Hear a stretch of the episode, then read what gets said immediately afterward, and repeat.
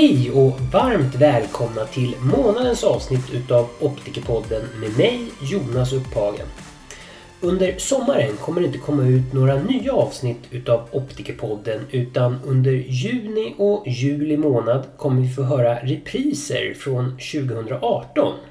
Avsnitten kommer från podden Ögonpodden, det vill säga den podcast som jag gjorde när jag arbetade hos min tidigare arbetsgivare. Således så stämmer inte kontaktuppgifterna i slutet av avsnittet. Om ni önskar komma i kontakt med mig så når ni mig på jonas@iknow.se och ingenting annat. Slutligen vill jag önska alla lyssnare en riktigt varm och härlig sommar så hörs vi igen i augusti och då möter vi professor och överläkare Jan Ygge. Och med Jan Ygge kommer vi prata om barns ögon och synutveckling och det kommer bli ett mycket spännande avsnitt kan jag lova. Vi hörs!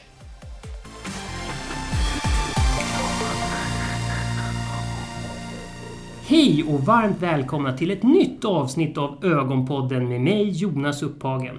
Idag ska vi få lyssna till Karin Sjöbom som jobbar som glasögondesigner på Smart Eyes. Karin är personen som skapar bågar för olika stilar och personligheter. Välkommen Karin och tack för att du tar dig tid att vara med i Ögonpodden. Tack för att jag får vara med. Ja, det är som sagt det är jag som, det är jag som är tacksam för att jag får komma hit och du ställer upp på en intervju här. Om vi börjar med min presentation utav dig, var det rätt eller är det någonting som du vill lägga till eller ta bort? Jag tycker att din presentation stämde väldigt väl. Men det kanske inte är allt som eh, mitt eh, uppdrag innebär, utan eh, jag jobbar självklart med att skapa nya produkter och stilar, men det handlar lika väl och lika mycket om material, dimensioner, kvalitetssäkra och att arbeta med vårt kvalitetsteam. Men första frågan, vi kan väl börja med att berätta vart, vart sitter vi nu någonstans? Just nu så sitter vi på huvudkontoret som eh, Smartice har här i Göteborg, hjärtat av Göteborg. I våra ganska så nyligen eh, inflyttade lokaler. Och här sitter de personerna som jobbar med eh, koncernen kan man säga, Smartice. Så alla våra marknader på, i den danska och tyska och svenska marknaden. Okej. Yes. Och, och, du sa det är ganska nyinflyttat. Hur, hur länge har ni varit i de här lokalerna då? I de här lokalerna har vi varit i ungefär två månader. Okej, ja då är det ju nyinflyttat verkligen. Jajamän. Du kan väl berätta vad du jobbar med? Vad, vad ingår i dina arbetsuppgifter? Främst så har ju jag eh, huvuduppgiften att skapa ett kommersiellt sortiment med olika stilar för alla slags människor kan man säga. Och då är det ju både för de personerna som vill synas lite mer, eller kanske för de som eh, önskar att vara lite mer klassisk och eh, stämma in i mängden. Ja, det är väl det som är huvuduppgiften. Men i detta uppdraget så ingår det ju självklart också då att hela tiden vara med på nya skiftningar i trenden, ha en omvärldsspaning jag besöker ganska mycket mässor till exempel runt om i världen för att se de här olika trenderna och skiftningarna. Ehm, vi har ju otroligt mycket leverantörskontakter såklart eftersom att vi producerar alla våra bågar själva. Och sedan så reser jag ju även då till de här olika fabrikerna som vi har och träffar våra leverantörer. Ehm, jobbar väldigt mycket med kvalitetssäkring också för att eh, ständigt ha fräscha produkter och eh, förbättra våra produkter hela tiden. Helt enkelt. Du var ganska nyligen nu utomlands eller? Ja, det var jag. Eh, dels så var jag på semester. Okay, okay, ja. Men jag var i Kina för inte så länge sedan. Okay. Yes. Hur ofta blir det så att du får lämna Sverige och komma utomlands? Jag skulle väl säga att jag är utomlands kanske, ja du, tio gånger okay. på ett år. Okay. Och, Men då är det väldigt, då är det ju i olika slags uppdrag. Då kanske det inte bara är leverantörsuppdrag utan då är det... Inspiration också? Ja, inspiration och eh, även besöka våra marknader. Okej. Okay. okay. Våra andra marknader. Du kan väl berätta lite om din karriär. Hur hamnade du här? Vad har du jobbat innan du hamnade på Smart Eyes? Jag hamnade i optikervärlden faktiskt av en slump. Och det hela började ganska tidigt då jag sökte sommarjobb eh, under tiden som jag var på och pluggade på gymnasiet helt enkelt. Och då kom jag i kontakt med en liten butik i Kungsbacka. Och genom det arbetet så ledde det vidare till ytterligare en annan optikaffär. Och eh, som de flesta vet så är optikbranschen ganska tight, ganska liten mm. i alla fall i Sverige. Så de flesta har koll på varandra i alla fall i Göteborgsområdet. Och eh, i alla fall, genom det här andra optikaffärsuppdraget så kom jag i kontakt med en säljare som var ute då och skulle sälja glasögon helt enkelt i butiken. Eh, och hon gav mig uppdraget att höra av mig när jag var klar med mina studier. Okay. För vid, det, vid den tiden så pluggade jag på universitetet eh, till industridesigner just. Och eh, sagt och gjort så gjorde jag det när jag var färdig. Och då kom jag i kontakt med produktionen mer då eh, av glasögon. För att då eh, jobbade hon på en, eh, en firma i Mölndal som tillverkar glasögon. Okay. Så på den firman så jobbade jag med både kundsupport, ganska mycket faktiskt, och produktutveckling. Så det var ganska, det, var ju, det är ju rätt bra att ha varit på alla vad ska jag säga, alla, alla delar. Liksom. Ja men precis, alla led ja. Från, från att ha varit säljare ute i butik till att då ha varit på kundsupport och även jobbat med produktutvecklingen.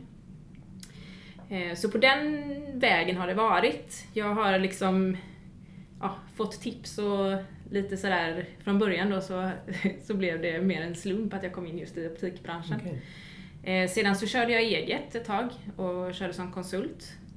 Och eh, under den tiden så fick jag ett tips från en gammal kollega att eh, nu söker de en designer på okay. Smartice, så du borde söka. Eh, går det att säga hur en vanlig arbetsdag ser ut för dig? Eh, nej, inte egentligen. Jag har ju, det, det är lite olika. Det kan variera allt ifrån att vara ute och resa, som vi precis nämnde, möta alla våra leverantörer, besöka mässor i olika städer. Mycket av våran tid, eller min tid, går till att eh, planera hur kollektioner ska se ut mm. och att eh, bestämma innehållet i kollektionerna. Och sedan så sitter ju även jag, som alla andra, på mycket olika möten och stämmer av. Mycket handlar om tid och timing.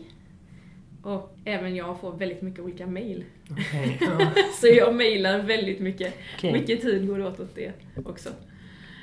Så att eh, det, det, det, är lite blandat men eh, också ganska mycket som man kan känna igen sig i tror jag.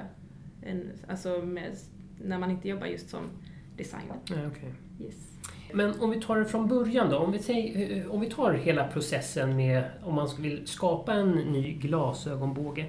Hur, hur börjar du med processen när, ska, när du ska göra en ny glasögonbåge? Ja, även den processen kan se väldigt olika ut faktiskt. På grund av att eh, det är lite beroende på vad det är man vill åstadkomma. Oftast så har ju vi en setup där vi jobbar med en speciell stil och ett koncept av stilar helt enkelt för både män och kvinnor. Där vi är eh, där vi liksom tänker på detaljer och material för eh, vad den här stilen ska ta upp. Och eh, sedan så skapar vi ju då bågar och eh, former utav detta. Eh, men det kan också vara så att vi vill jobba med specifika material och utforma en kollektion utefter det. Så att vi, vi har ett material helt enkelt som vi känner är väldigt fräscht, nytt och spännande. Och så väljer vi då att göra en, eh, ja, lite olika modeller helt enkelt med, eh, med detta materialet. Och sedan så har vi ju även då specifika funktioner kanske som finns på en båge eller någonting som, ja, en funktion som vi känner är väldigt trevlig att eh, utveckla på många olika modeller. Så att det är många olika tillvägagångssätt för att bygga en, eh, en kollektion liksom, eller en stil. Mm, okay. eh, vart, vart, får du inspiration ifrån då? Jag kan ju säga att inspiration är ju hela, alltså hela tiden, i allting. jag, jag går inte förbi en enda person utan att scanna vad det, är, Nej. vad det är för bågar. Jag är ju otroligt skadad av mitt yrke. Ehm, och titta på vilken stil eh, någon har på sig. Det kanske till och med är en, en smart ice-båge. Ehm, och då har man ju koll på det liksom. Så att, ehm, men, men ehm, Ja, alltså jag tittar ju väldigt mycket på vad folk har på sig, hur, eh, hur de ser ut, andra bågar. Alltså man får ju inspiration av, av det mesta. Verkligen. Mm. Och sedan så jobbar jag väldigt mycket med olika trendspaningsföretag som, eh, som finns. Och som ger prognoser då över kommande trender de kommande 24 månaderna. Då är det ju inte specifikt trender för glasögon utan då är det främst ja, generellt för accessoarer eller för kläder eller inredning är också intressant. Alltså man, man, kan, man kan plocka från alla olika, eh, olika branscher alltså. Och inspireras av detta. Det kan ju vara material, det kan vara träd, det kan vara eh, marmor. Alltså vi, vi, har ju, vi har jobbat med väldigt många olika eh, inslag av eh, olika material och, och utseenden. Ehm, och sedan då att man inspireras av de här olika kanske trenderna då som man ser. Nu plockar jag tillbaka lite till Mm. föregående mening. Ehm, och sedan så självklart så inspireras man ju av att åka på till exempel mässor där du ser den breda branschen och där de flesta bågtillverkarna faktiskt samlas. Och där du kan få eh, influenser och eh, se och ta upp när man ser olika skiftningar i, eh, i bågtrenderna och hur de förändras. Men när du skapar en båge, är det, sitter du med ritplatta först då? Yes, Eller? faktiskt. Det är ritplatta Så som eh, gäller? sker det med ritplatta. Okej, och sen så... Ja, då, då har du ju redan på datorn efter det. Ja, då är ju det främst skissnivå. Eh, nivå. och sen så gör vi eh, utav det då en teknisk ritning med eh, riktiga mått och dimensioner och Okej. hela den biten. Eh, Men det är inte så att du sitter och ritar och tänker, eller så här, du får inte liksom, det är inte så du formar en båge, att du sitter och kladdar lite så här och sen så, ah, det här ser snyggt ut. Det är inte så en båge kommer fram liksom. Alltså absolut, det kan det ju vara. Eh, Vill man ha eh, något speciellt, eh, någon speciell detalj på, på skalmen, speciella skalmfästen, alltså mm, hela den grejen, klart att du kan sitta och, och, och skissa olika förslag. Men det är inte där man börjar generellt utan Jag, jag tror att alla har sitt sätt att börja. Jag jobbar oftast utifrån att jag hittar en form som jag Okej. gillar. Och sen eh, om man då kanske har gjort från början då en, en, en grundlig spes på vad det är ungefär för stil som man vill jobba med så har man oftast ganska mycket idéer om vad det är för detaljer man vill plocka upp. Om, det, om man vill att det till exempel ska vara en väldigt ren och enkel design men ändå kanske eh, kraftig eller man vill jobba med olika strukturer i ytorna. Ehm, så, så har man just den bilden ganska klart för sig och då jobbar man ofta med de elementen igenom fler modeller liksom, i, i kollektionen. Okej. Eh, Hur går det till att skapa en båge från idé till färdig produkt? Jo, det ska jag berätta för dig att det går till på följande vis. Att jag börjar med en form eller en stil som jag önskar att den specifika bågen ska ha. Och jag skissar ner den här eh, formen och skickar vidare till eh, den leverantören som jag har valt att jobba med helt enkelt. Vi har lite olika leverantörer.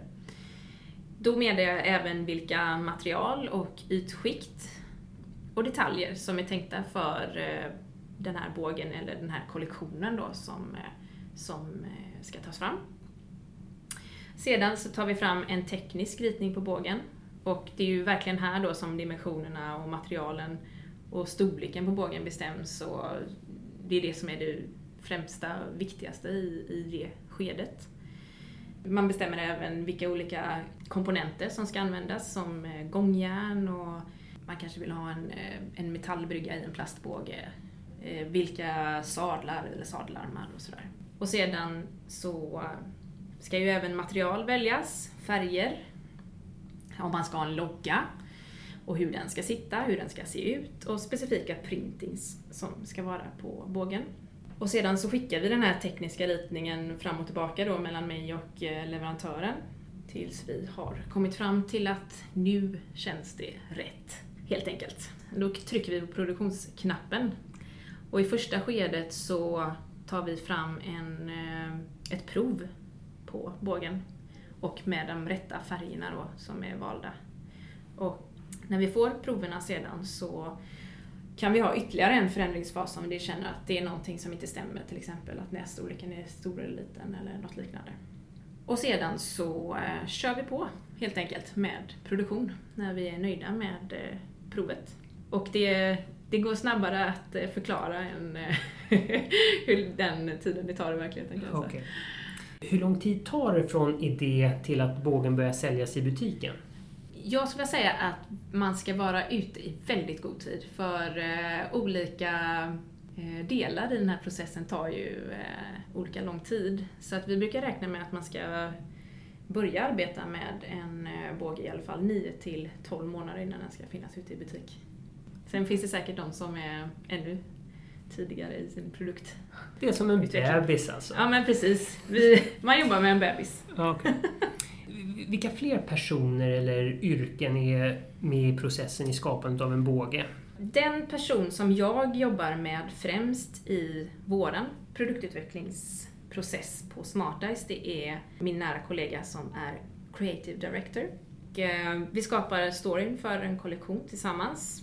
Där min kollega är en eh, fantastisk talang måste jag säga, när det gäller storytelling, paketering och eh, idéer runt produkten. Så att den kombinationen är väldigt eh, skön att ha. Eh, för att vi tänker på lite olika sätt.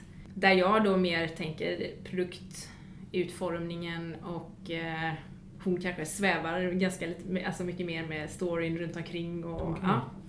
Ehm, Men det brukar bli en väldigt bra kombination. Och sedan så har vi ju såklart, alltså vi har ju en hel produktavdelning på Smartice så att vi har ju alla lite olika uppdrag såklart i, i eh, den här. Men främst så är det ju väl eh, hon och jag då som, som tar fram själva produkten och embryot till, eh, till konceptet till att börja med.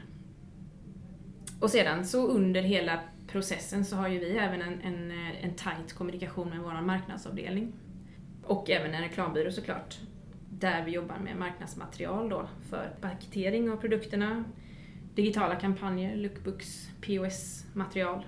Allt som behövs till dess att eh, bågen är klar och finns ute i butik. Nu kom det ju några ord där som jag inte hängde med vad du sa för något. Vad sa du? Puss, plus, vad sa du? POS, Ja, Point of Sales. Okej.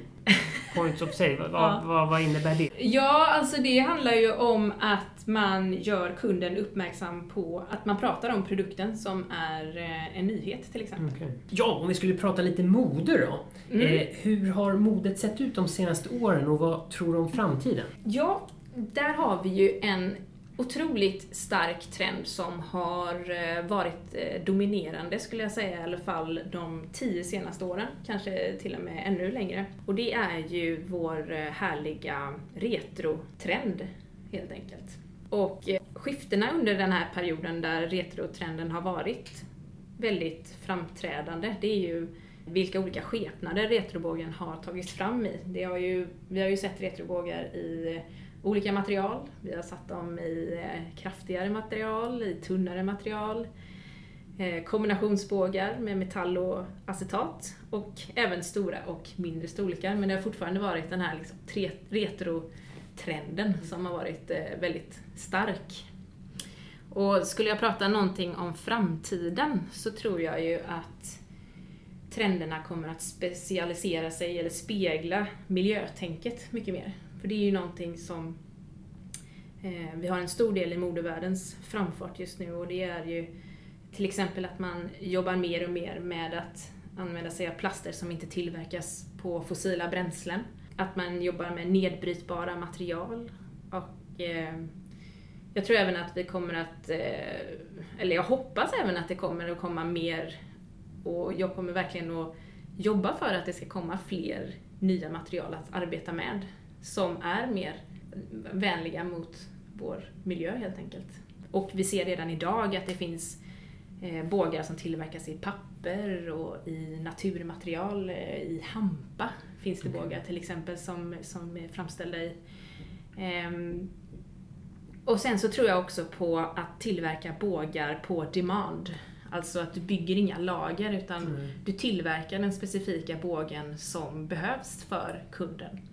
Eh, och då gör du det i en eh, maskin, kanske i butiken eller eh, du får din båge som är tillverkad just för dig helt enkelt ehm, på några dagar. Mm. Ja, nej men, ja, förlåt att jag avbryter det. det där, blir- nu kommer vi in i sånt där riktigt spännande område. Ja. Eh, 3D-printen till Ja, exempel. precis. Det är ju det som jag vi står är inför ute efter. Yes. Jobbar du någonting med 3D-printer idag? Att, Eh, bra fråga. det är klart att det är någonting som är jätteintressant för eh, oss. Eh, när det gäller att, att göra bågar till vår kund i 3D-printing så, så hamnar man på en liten annan prisklass ja, än vad, hur vi jobbar idag. Men vi, ja, vi ska säga så här, vi är helt klart på det och det är en jätteframgång i hela produktutvecklingsprocessen att kunna jobba med modeller i 3D. Och det går ju snabbare att ta fram. Och man kan prova modellerna mycket snabbare och eh, helt enkelt förenkla och förbättra och försnabba. Säger man försnabba kanske man inte gör. ja, Snabba på. Ja. eh, utvecklingsprocessen. Så att eh, det, det är en jätteintressant del i det hela som vi börjar och nosa på, helt enkelt. Eh, Jag har börjat att testa lite, kan jag säga, med, med de här 3D-modellerna. Okej. Men eh, eh, ja, vi får se.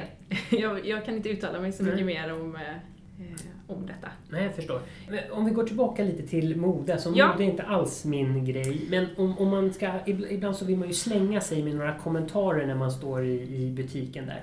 Är det några speciella färger i, som, som är populära också? Det, jag, I många år sa jag röda bågar, men Mm. den tiden kanske är förbi. Nej, alltså jag skulle vilja säga att eh, det är väldigt säsongsbetonat. Eh, nu går vi mot ljusare tider, mot eh, sommar och, och, och sol. Eh, då brukar det vara lite mer trendigt att ha kanske transparenta färger, eh, om man pratar just plast. Och eh, kanske lite mer glada, lite ljusare färger. Eh, en färg som vi har sett otroligt mycket de senaste åren, det är ju den ljusrosa färgen. Och det har ju Mm, även eh, letat sig in på i, alltså i bågbranschen. Så det är ju någonting som känns väldigt eh, trendigt och fräscht. Men även den heltransparenta och den eh, eh, lite mer antikgula har ju också varit en, en jätte, ja, bra färg eh, när det gäller eh, solfärger. Och sedan när man kommer fram till hösten, ja men då blir det lite murrigare. Den röda kommer fram. Eh, kanske mer åt vinröd. Eh, vi har grönt har ju varit väldigt populärt. Eh, och eh, ja, det, det, det där är väldigt eh, fram, från, från säsong till säsong. Mm. Men i framtiden då? Är det neonfärger som vi kommer se i framtiden? Jag hoppas inte det. Nej, okej. Det kanske är 80-tal. eh, Det var så man trodde framtiden såg ut på 80-talet. Ja, någonting som, som eh, har kommit att bli en trend igen, som vi såg eh, i början av, eller slutet av 90-talet, början av 2000-talet, det är ju faktiskt de färgade linserna som inte är kafélinser som man kallar dem. Mm, Som är lite sådär semitintade. Det har ju, varit, det har ju blivit otroligt stort. Och det tror jag att vi kommer att se mer av under våren. Mm. Eh, och det ska ju även vara helt OK att ha inomhus. Mm. Vad är det roligaste med ditt jobb då, tycker du? Roligaste är nog faktiskt att det är sån stor variation och bredd i uppdraget. Jag träffar ju kollegor från många olika delar av världen, eh, vilket är väldigt intressant. Och det som är allra roligast, det måste ju ändå vara att möta och se personer som bär Mm, småpistolsögon. ja, det, ja, det förstår jag. Det är ju superkul antagligen. Alltså, när du vet att det där har jag varit med och skapat, det Mm. måste ju vara jättekul. Mm. Eh, ja, jag förstår absolut att det är det roligaste. Mm. Eh, vad är det tråkigaste då, tycker du? Tråkigaste, det är att vänta på prover, absolut. Eh, förseningar i leveranser. Det är ju otroligt frustrerande.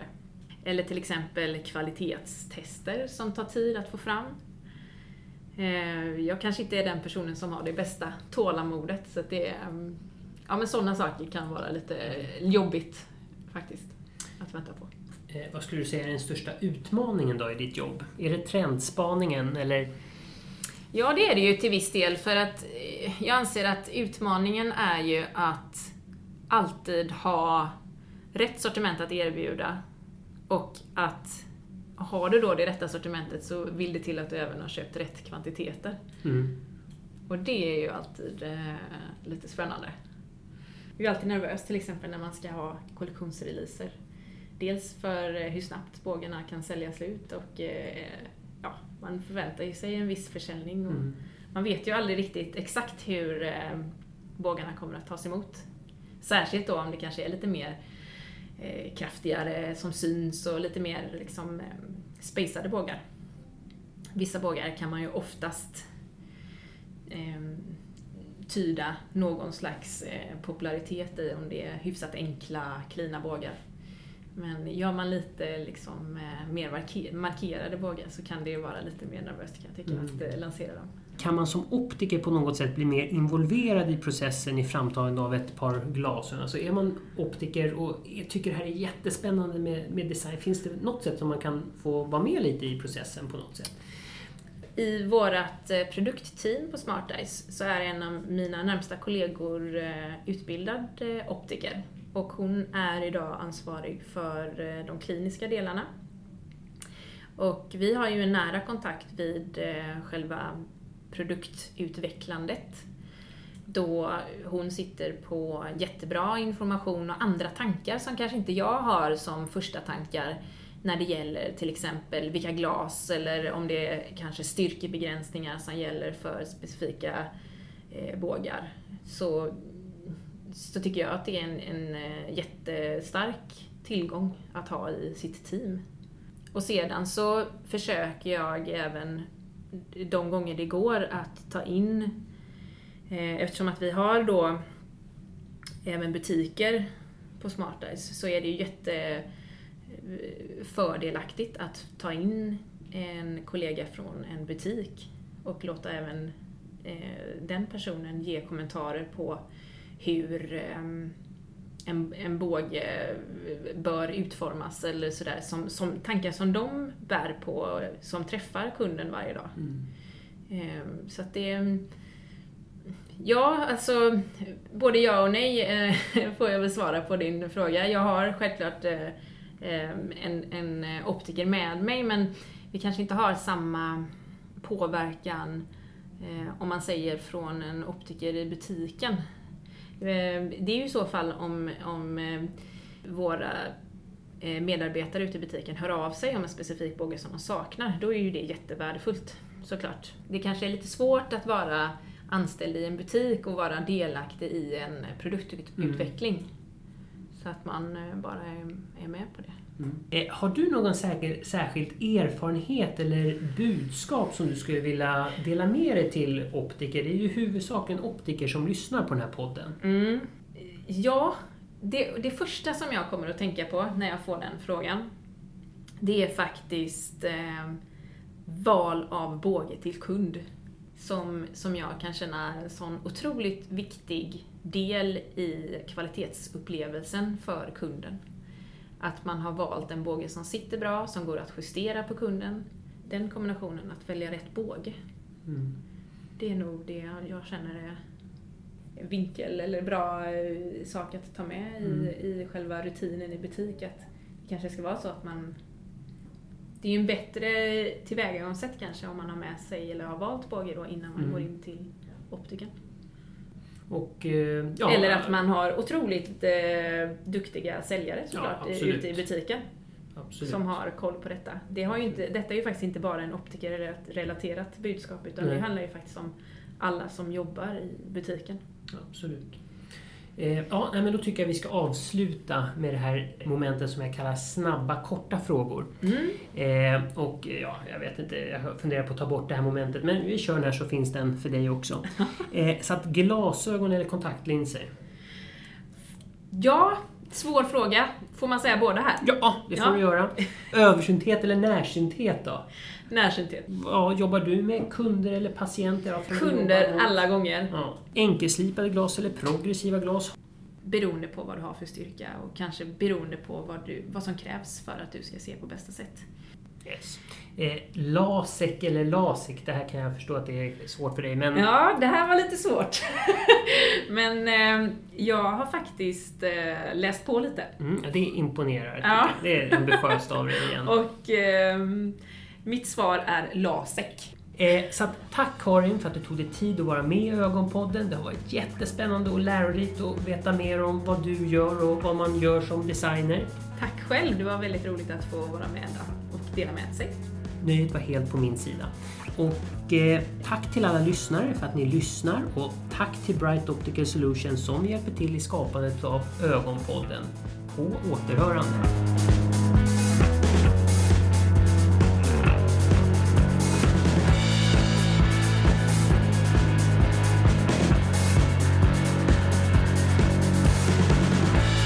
Sen, sen, eh, var det ju en, en grej till här som jag undrade. Eh, jag vet ju att ni har haft en kampanj här nu Ja. med Dolph Lundgren. Jajamän. Eh, Fick du jobba någonting med honom eller fick du träffa honom? Under Ja, det fick jag Det faktiskt. fick du? Jajamän. Ja, jag, jag är ju en, jag, är, jag är ju uppvuxen på En heroes eh, det, actionfilmer. Ja, just det. Eh, så att... Eh,